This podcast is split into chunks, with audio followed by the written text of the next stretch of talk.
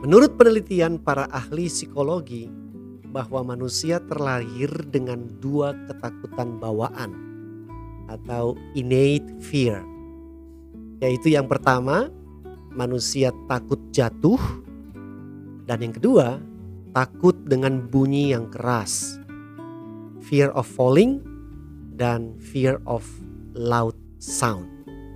Sebuah research dilakukan sekitar tahun 1960 oleh Gibson dan Walk terhadap para bayi umur 6 sampai 14 bulan, mereka mendapati bahwa takut jatuh adalah takut bawaan manusia sejak lahir.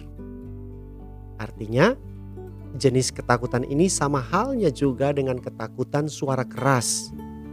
Adalah ketakutan yang tidak dipelajari selama perkembangan kehidupan seorang manusia. Maksudnya gini para sahabat metamorfosa semua ketakutan yang kita miliki selain dua jenis tadi adalah ketakutan-ketakutan yang kita pelajari tanpa sadar seiring pertumbuhan usia kita. Dan ini terjadi di usia kanak-kanak kita. Dipengaruhi oleh lingkungan dan budaya yang ada serta orang tua kita memainkan peranan besar dalam hal ini. Contohnya ya, ada yang takut dengan kecoa. Harusnya setiap anak bayi tidak takut dengan kecoa. Tetapi karena salah satu dari orang tuanya takut dengan kecoa, maka ketakutan ini diturunkan dengan tidak sengaja kepada sang anak.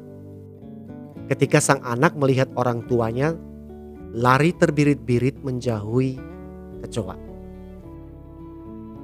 Nah, ada sekitar 2000 ketakutan yang kita pelajari selama hidup kita menurut para ahli. Saya mempunyai beberapa data mengenai ketakutan-ketakutan yang lucu dan unik dari hasil browsing saya. Misalkan, akluofobia adalah ketakutan terhadap gelap Kemudian ada lagi yang namanya klaustrofobia, yaitu ketakutan terhadap ruangan yang sempit. Dan ada lagi yang unik yaitu anutapfobia. Nah ini para kaum jomblo yaitu ketakutan menjadi jomblo. Kemudian juga ada ketakutan menjadi tua yang disebut dengan geraskofobia. Ada lagi yang lebih lucu yaitu ketakutan dengan wanita cantik. Kaliginofobia. Ada lagi yang disebut dengan ketakutan akan uang yaitu krematofobia. Kemudian yang paling modern yang kita tahu yaitu ketakutan tidak terupdate atau tidak gaul, kuper, ketinggalan dengan berita-berita yang terbaru yaitu disebut dengan FOMO atau fear of missing out.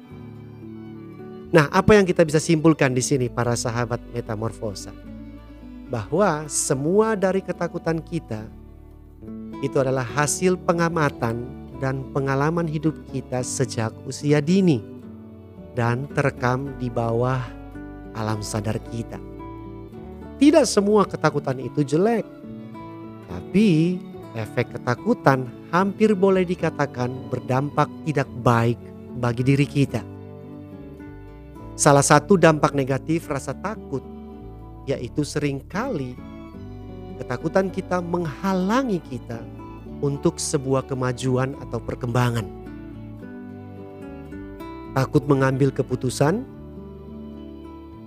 takut memulai hal yang baru, takut akan resiko, takut dikhianati, takut memiliki teman baru dan sebagainya. Ingat, bahwa ketakutan-ketakutan tadi berasal dari pengalaman dan pengamatan kita, bukan bawaan lahir, sehingga itu adalah ketakutan yang dapat diproses ulang, sehingga tidak merugikan diri kita sendiri. Nah, proses ulang atau daur ulang ini terjadi di dalam pikiran kita, sahabatku karena ketakutan-ketakutan tersebut adalah ketakutan yang dipelajari atau learn fear, maka kita bisa melakukan yang namanya unlearn fear.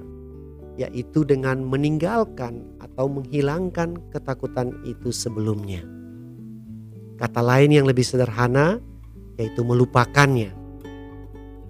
Artinya, ketakutan yang bukan bawaan lahir, yaitu takut jatuh dan takut dengan suara yang keras, sudah tidak relevan lagi dengan kehidupan kita sekarang ini, sehingga perlu ditinggalkan.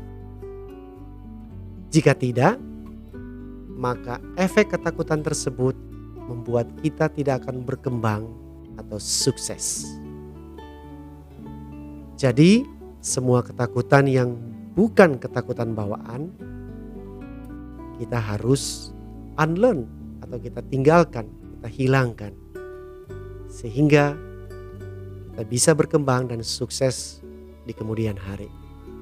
Yuk, kita mulai berbenah diri dan belajar unlearn ketakutan yang tidak lagi relevan dengan hidup kita saat ini.